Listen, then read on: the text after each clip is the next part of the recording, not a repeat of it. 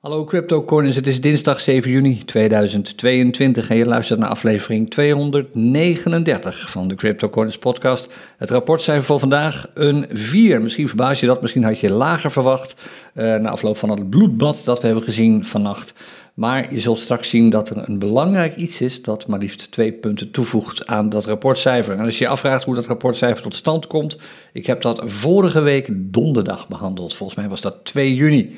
Dan kun je nog eventjes uh, rustig luisteren wat de criteria zijn die worden gebruikt om dat rapportcijfer te bepalen. Wat uh, vandaag betreft, weinig intern nieuws, anders dan het feit dat er aanstaande vrijdag de zomeractie is natuurlijk. We beginnen om 10 uur s ochtends en we zijn waarschijnlijk om 5 uur s middags klaar. En uh, we gaan een aantal leuke aanbiedingen doen, waaronder de CryptoCoin scannen natuurlijk. En ook een groot aantal clinics, waaronder een splinternieuwe clinic. Meer informatie daarover volgt later deze week. En zoals gezegd, aanstaande vrijdag vanaf 10 uur kun je kijken of je van zo'n aanbieding gebruik kunt maken. En als je de kans daarop zo groot mogelijk wilt maken, dan wil je nu even een Priority Pass aanvragen. Die zijn er nog tot en met uit mijn hoofd, tot en met morgen. Er zijn er niet zo heel veel meer. Ga dan even naar www.cryptocorners.nl slash zomeractie. En die Priority Pass is helemaal gratis, helemaal vrijblijvend. We gaan je niet spammen. Afijn, als je al wat langer bij CryptoCoiners zit, dan weet je hoe dat werkt. Dan extern nieuws. Misschien heb je het gemerkt als je, toen je vanochtend wakker werd en als je naar je BNB-portfolio keek. Je weet het al, je weet het, BNB, die munt die de Binance blockchain voedt en die in 2017, volgens mij in de zomer, eh, als gevolg van een ICO opeens er was. Eh, ze hebben toen uit mijn hoofd 15 miljoen dollar opgehaald met die ICO. Een ICO trouwens, ICO, is de afkorting van Initial Coin Offering. Eigenlijk lijkt het een beetje op een beursgang, maar dan met een munt. En dit was een token die uh, draaide op de Ethereum blockchain. Toen was BNB niets anders dan een Ethereum token, inmiddels niet meer, maar toen wel. En nu wordt er wat gemekkerd over die ICO door eh, de Amerikaanse financiële waakhond, zeg maar de Amerikaanse AFM, de SEC. Die hebben aangekondigd dat er een onderzoek gaat plaatsvinden naar die bewuste token launch, naar die ICO die plaatsvond in juli 2017. En de kern van het onderzoek is eigenlijk, is BNB of was BNB toen wel of geen effect, oftewel een waardepapier iets waarmee je een belang hebt in een onderneming of iets waarmee je geld leent van een onderneming. Nou, bij Binance vinden ze van niet, dat geldt trouwens wel voor meer tokens. Bij Binance zeggen ze, luister, je koopt een munt en die munt die drijft een blockchain. En toen de tijd was die munt een token op de blockchain waarmee je nog steeds geen aandeel in de onderneming kocht en ook geen geld leende aan de onderneming. Het is geen obligatie. En ze hebben zelfs uit mijn hoofd uh, volgens mij twee jaar later, of twee, drie jaar later, hebben ze ook uh, de white paper uit 2017 aangepast. Met name voor landen die een wat apartere definitie hebben voor uh, effecten, voor waardepapieren, zoals Amerika. Maar hoe dan ook, eh, er is dus nu een onderzoek gestart. Tenminste, er is aangekondigd dat er een onderzoek wordt gestart. Bloomberg had het artikel vanochtend. En de reden dat ze dat nu opeens gaan doen, is dat ze zeggen: tijdens die ICO in de zomer van 2017 was er tenminste één Amerikaan die heeft meegedaan aan die ICO. En dan vinden we, dan moeten we dat gaan onderzoeken. Nou ja, ik zei het al, Binance vindt dat BNB geen effect is, geen waardepapier. En de, de markt was meteen in paniek. Je zag dat vanochtend BNB kelderde volgens mij met 10% of iets dergelijks, ging hard naar beneden. Nou is dat tegenwoordig niet meer zo heel spannend, want een beetje dagchart laat tegenwoordig al een volatiliteit zien van minimaal 5% in de cryptowereld. En um, even goed, de angst die er natuurlijk is, is dat dit een enorme impact gaat hebben op BNB. Dat het misschien wel wordt verboden enzovoort. Nou, de paniekblogs die, uh, die uh, schieten alweer uit de grond natuurlijk, zoals altijd. Um, ik vind zelf, maar nogmaals, dit is natuurlijk ook maar mijn mening. Ik vind zelf dat de soep opnieuw niet zo heel erg heet gegeten wordt. Uh, in de praktijk blijkt, er is, zijn wel vaker onderzoeken gedaan naar uh, ICO's, uh, waarbij de SEC vond dat het eigenlijk om, eff effecten ging en niet om tokens. En tot nu toe zijn eigenlijk al die onderzoeken uitgemond in of er gebeurt gewoon helemaal niks, of een schikking. En dan wordt er gewoon een bedrag betaald en dan is het weer van tafel. Klaar is Kees. Uh, dus we gaan het afwachten. Ik vermoed zelf dat de prijs van BNB, die is natuurlijk gekelderd. Ik zei het net al, met zo'n 10% geloof ik. Dat die wel weer stijgt, dat dit alweer snel achter de rug is. Want naar mijn mening is dit weer zo'n gevalletje. Het gaat eigenlijk helemaal nergens over. Er is overigens uh, ook een ander artikel ergens verschenen waarin werd gezegd dat uh, Binance voor miljarden dollars zou hebben um, gehandeld, of ze hebben laten handelen in geld dat voor criminele doeleinden. Nou, dat is ontkracht door Binance in een zeer uitgebreid document van 50 eh, pagina's, geloof ik, waarin ze voortdurend laten zien hoe er heen en weer is ge-mailed tussen persbureaus, zoals Reuters bijvoorbeeld, en Binance, waarin eigenlijk gewoon bleek dat elke vraag die Reuters kreeg, of die stelde en die Binance werd beantwoord, vervolgens verkeerd werd geïnterpreteerd. Nou, je weet natuurlijk nooit helemaal precies hoe het zit. Feit is wel dat naar mijn mening Binance er nog steeds alles aan doet om uh, op als een goed huisvader, zoals het heet, om te gaan met geld en ook met de belangen van beleggers en investeerders. Dat geldt trouwens ook voor Bitfavo, naadloos brugje naar het volgende nieuwsitem. Bitfavo heeft nu een garantiefonds, een officieel garantiefonds. Dat werd net voordat ik begon met het opnemen van deze podcast aangekondigd. Ik kreeg net het persbericht door. En daar staat eigenlijk in dat als iemand nu zonder toestemming van de eigenaar, dat ben jij dus, toegang krijgt tot een Bitfavo-account en dan transacties gaat uitvoeren, dan vergoedt Bitfavo het uitgegeven bedrag tot een maximum van 100.000 euro. En daarmee wil Bitfavo het beleid in Nederland uh, gaan aanpassen of gaan laten aanpassen. Willen een voorbeeld stellen en vinden dat alle andere brokers en handelsplatformen zoiets ook zouden moeten doen. Is natuurlijk één vraag, ik denk dat ik het antwoord al wel weet. Dat is, ja, een transactie, wat is een transactie? Stel je voor, een hacker slaagt erin om je account over te nemen en boekt geld over naar een bankrekening die eigenlijk niet van jou is. Geldt het dan ook? Nou, lijkt het me lastig sowieso om dat te doen, want er vindt altijd een naamverificatie plaats bij Bitfavo, maar je weet natuurlijk maar nooit. Maar als dat ook gedekt is, ja, dan is het natuurlijk echt gewoon een heel mooi initiatief. Dan loop je als je uh, Bitcoin koopt bij Bitfavo en ook als je handelt bij Bitfavo, eigenlijk geen risico. In ieder geval niet tot het bedrag van 100.000 euro. En als je meer wilt weten over Bitfavo, als je overweegt om daar een account te openen, bijvoorbeeld omdat je Bitcoin wilt kopen of verkopen, dat kun je ook doen met de speciale CryptoCoins link. Ik post hem eventjes bij de show notes www.cryptocoins.nl slash bitfavo. Dan krijg je over de eerste 1000 euro die je aan handelskosten betaalt 100% eh, korting. Oftewel, je betaalt over de eerste 1000 euro dan geen handelskosten. Dat nog even tussendoor. Tot zover Bitfavo en Binance. Verder zijn er wel wat nieuwtjes, maar het was natuurlijk ook wel een beetje pinksteren. En dus een beetje rustig. Behalve in Amerika, gisteren werd er gewoon druk gehandeld, ook op de aandelenbeurzen. Dat zien we zo meteen wel even terug. Bitcoin maakte een leuke prijsontwikkeling door van 29.500 naar 31.500 tot dan dus opeens de aankondiging van het onderzoek kwam. De markt raakte meteen in paniek. Er werd weer voor bijna 200 miljoen dollar aan Bitcoin geliquideerd. Je ziet hoe snel markten omslaan van bang naar hebberig toch maar weer leverage trading gaan doen, toch snel maar weer geld lenen om daar bitcoin mee te kopen en hopen dat eh, de prijs inderdaad blijft doorstijgen. Gebeurt het dan niet, ja, dan krijg je margin calls, zoals het heet. En er wordt gewoon bitcoin verkocht tegen de marktprijs, wat nog eens een keertje die prijsdalingen versterkt natuurlijk. Oftewel, de markten blijven extreem in beweging en reageren gewoon nog steeds extreem op aankondigingen van bepaalde gebeurtenissen of op bepaalde gebeurtenissen. Nou, meer valt me niet over te zeggen, vind ik. Ook niet wat het hele BNB-verhaal betreft. Anders dan het feit dat ik vandaag ook om tijd reden een beetje, want ik heb flink wat charts te bespreken. En mijn tijd vandaag is iets beperkter dan morgen. De gridbot van Binance morgen even laten zien. Normaal doen we dat aan het begin van de week. Dat wordt dus nu morgen. Ik kan je wel vast vertellen, spoiler alert, op dit ogenblik staat hij heel licht in de min. Niet de gridbot zelf, die heeft goed uh, gepresteerd, maar omdat de prijs van de BNB ten opzichte van Bitcoin flink is gedaald natuurlijk uh, na die aankondiging van vannacht, ziet er nu wat minder florissant uit. Maar dat pakken we morgen op. We gaan naar de charts. En je weet het, als je meekijkt op YouTube, zie je de charts in beeld. Dit is Bitcoin versus de dollar, zoals normaal de weekchart. Want we kijken eerst even naar de candle die er is bijgekomen sinds de afgelopen week. Deze chart, ik kan me voorstellen, ik zeg van ja, deze chart is toch bearish. Je ziet eigenlijk alleen maar lagere pieken, lagere dalen. Zou ik absoluut ook begrijpen als je zo'n uh, mening over deze chart hebt. Naar mijn mening is hij toch nog steeds bullish, maar niet heel overtuigend. En dat komt omdat de high die we hebben gezien, die van de week van 28 maart, hoger was dan de high die we daarvoor hebben gezien van bijvoorbeeld 28 februari, maar ook die van 7 februari. Oftewel, de highs zijn nog steeds hoger, de lows zijn dat zeker niet. En als we straks een situatie krijgen dat we na de low, die we eigenlijk nu bereikt hebben, op weg gaan naar een high die niet zo hoog is als de vorige, dus niet die van 28 maart, 48.000, dan keert ook deze chart om. En naar mijn mening is dat waarschijnlijk een kwestie van één of twee weken voordat ook de Bitcoin Week chart bearish wordt.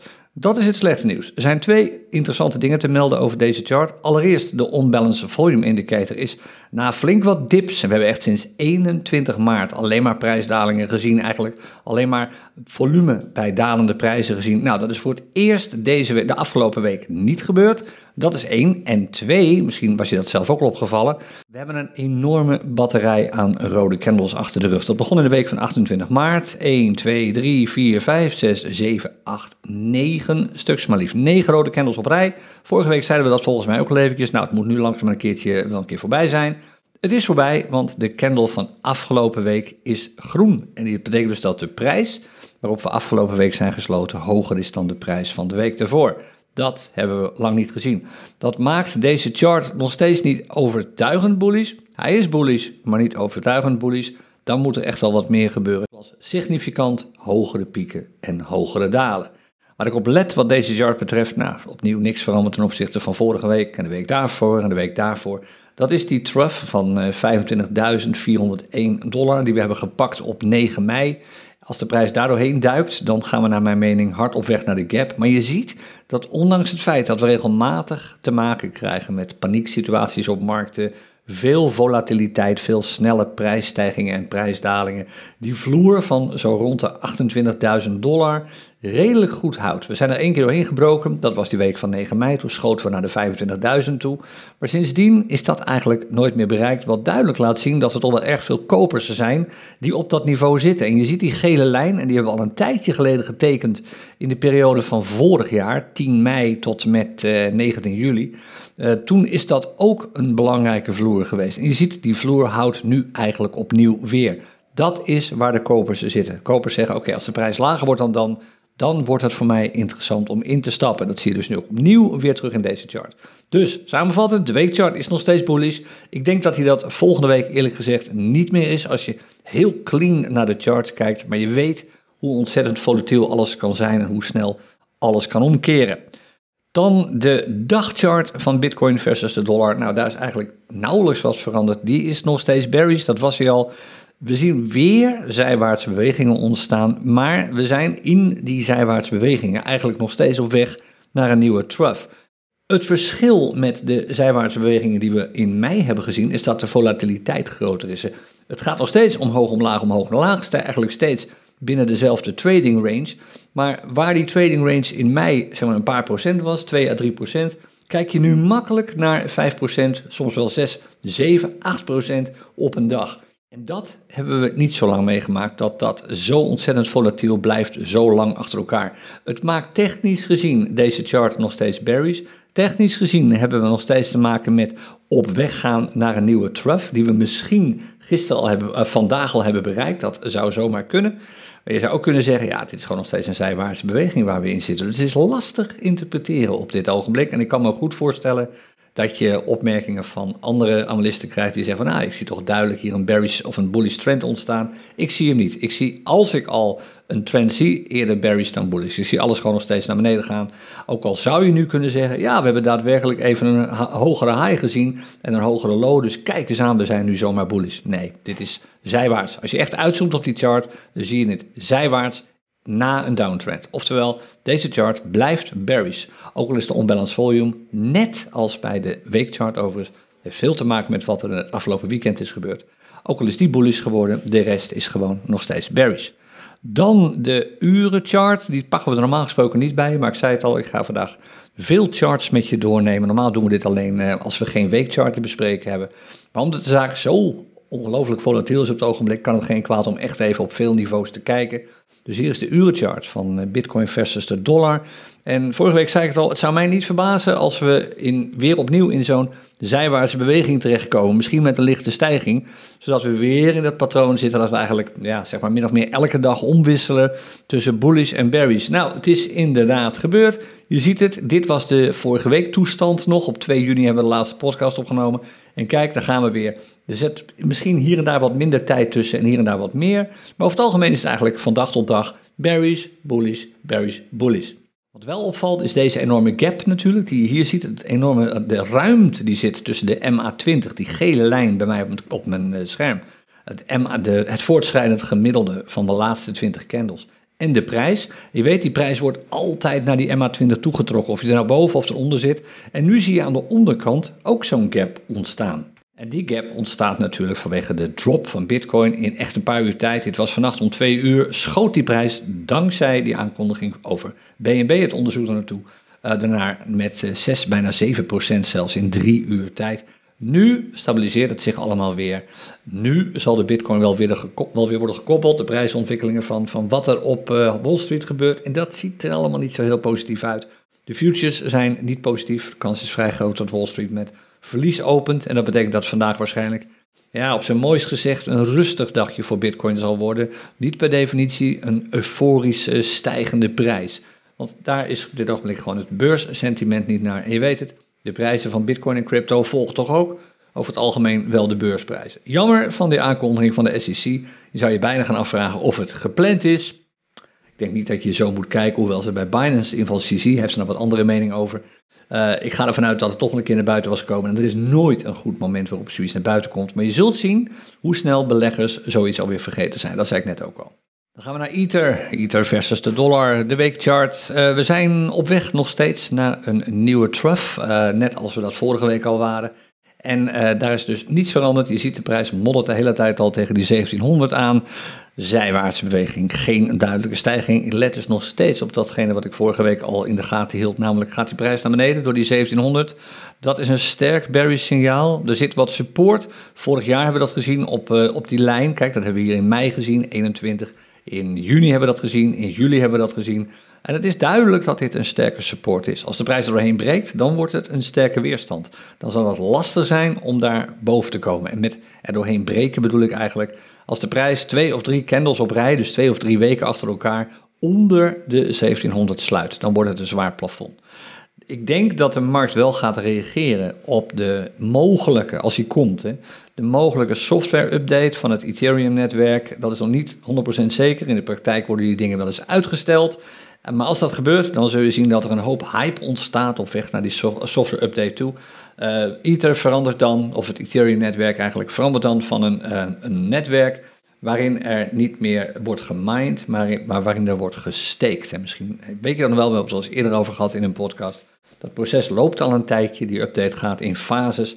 En elke fase komen we wat dichter bij het eindproduct, waarin er dus sprake is van proof of stake, zoals het heet, en niet proof of work. En dat zal met name de mensen die uh, bezorgd kijken naar het energiegebruik natuurlijk erg aanspreken. En dat zou wel eens een enorme push kunnen veroorzaken. Zou kunnen, je weet het nooit, maar eigenlijk als je kijkt naar hoe dat in het verleden meestal ging, eh, in de prijs van Ether. Uh, dat gaan we meemaken allemaal. Op dit ogenblik is het allemaal nog bearish, hoewel deze chart, de weekchart, net als de Bitcoin weekchart, op dit ogenblik nog steeds bullish is. Veel zal afhangen van de piek die ongetwijfeld komt na de trough, dus de piek die komt na het dal, dat we nog steeds niet hebben gezien. Verder is deze chart op uh, alle punten, behalve de peaks en troughs analyse, dus behalve de pieken en dalen, is deze chart gewoon heel erg bearish.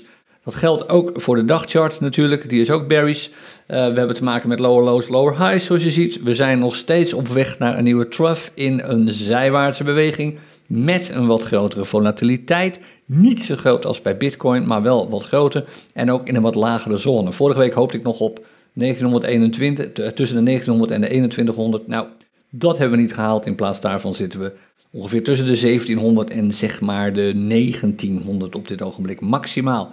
Dat zijn de, is de prijsrange waar Ether zich nu in bevindt uh, van dag tot dag. En waar ik op let is natuurlijk, komt de prijs boven die vorige piek, boven die piek van 31 mei 2015. Eigenlijk is dat de nieuwe piek die we nu definitief hebben. Als de prijs daarboven komt, is dat een bullish signaal. Het zou kunnen, je weet het maar nooit. Er moet wel heel veel gebeuren naar mijn mening. Ik denk dat die ja, die euforie pas later komt in de loop van juli, eerder dan in de loop van juni. Want die update is pas gepland voor volgens mij 8 augustus, 9 augustus, ik ben helemaal uit mijn hoofd.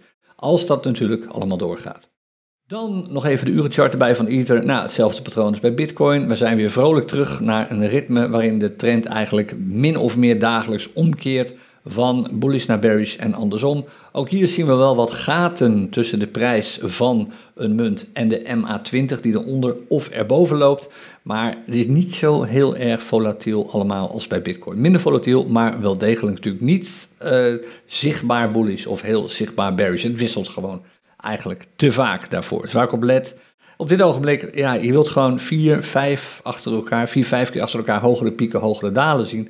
Of je wilt een prijsbeweging zien die in ieder geval boven die MA20 en boven die MA50 blijft voor langere tijd. Twee, drie, vier dagen. En niet na elke anderhalf, hm, één, anderhalve dag steeds weer omkeert zoals nu gebeurt. Nou, voorlopig is dat helemaal niet het geval.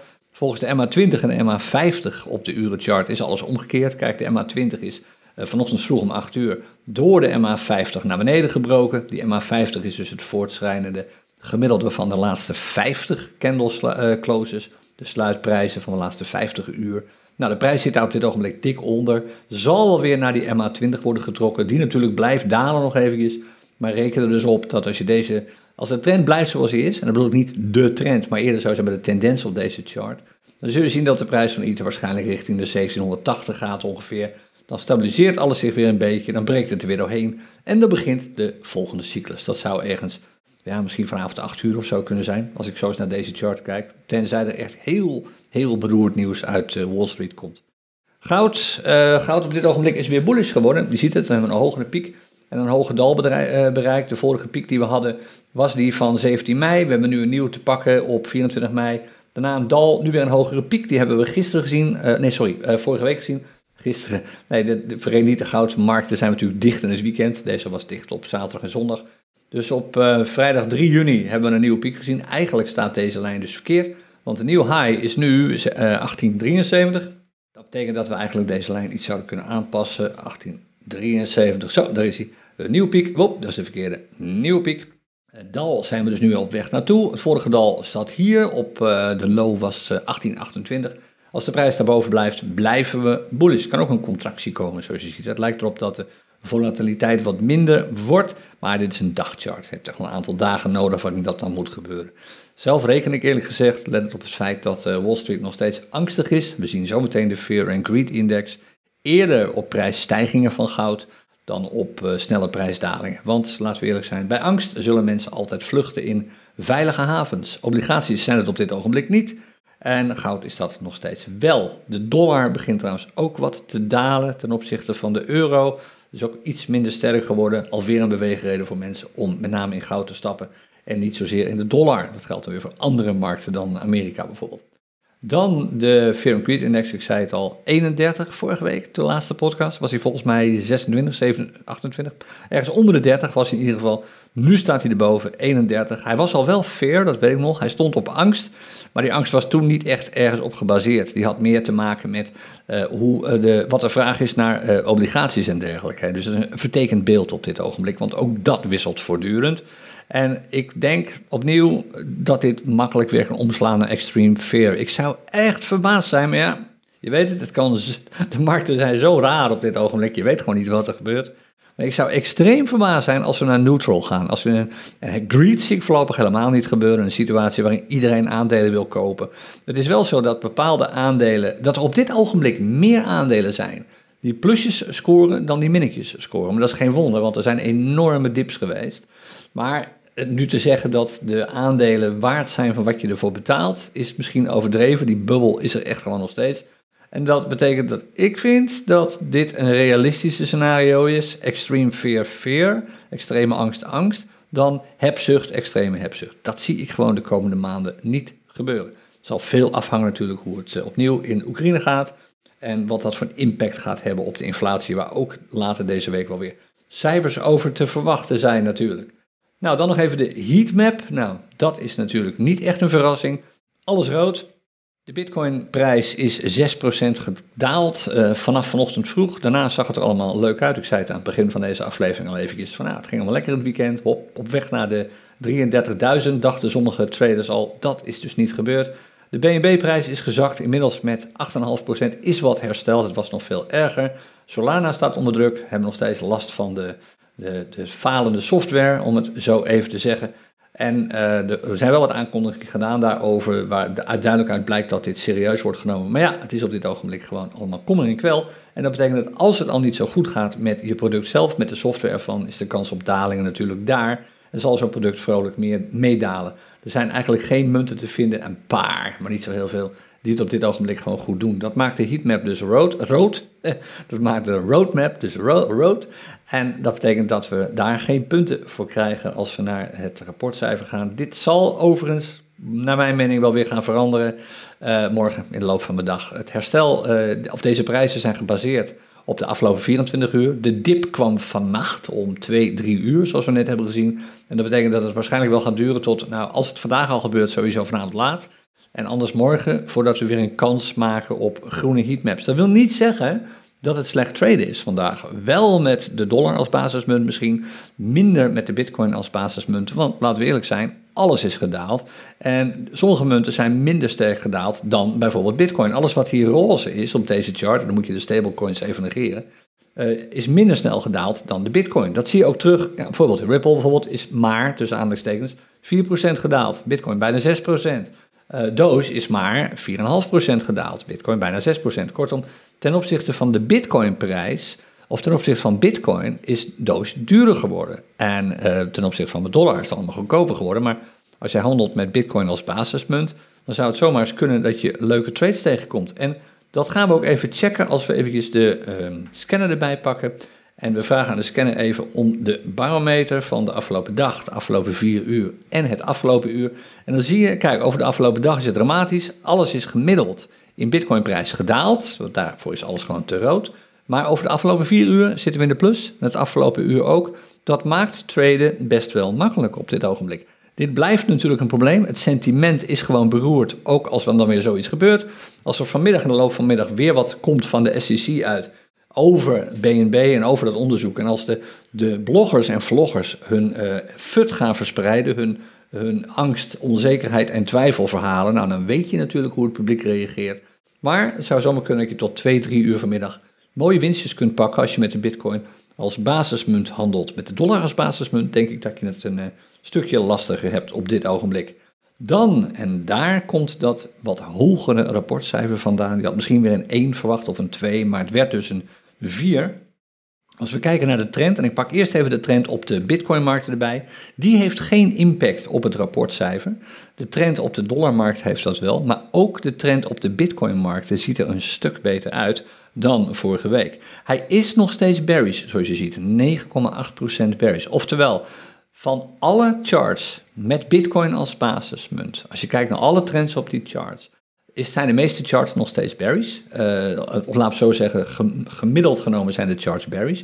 Waarbij een langere chart, bijvoorbeeld een dagchart, zwaarder weegt, of meer weegt, dan een minutenchart. Maar bij de dollarmarkten zien we voor het eerst in een lange, lange tijd, volgens mij is dit echt maanden geleden, februari of zo, uh, zien we voor het eerst dat de globale trend is omgekeerd naar bullish. Dat hebben we echt lang niet gezien.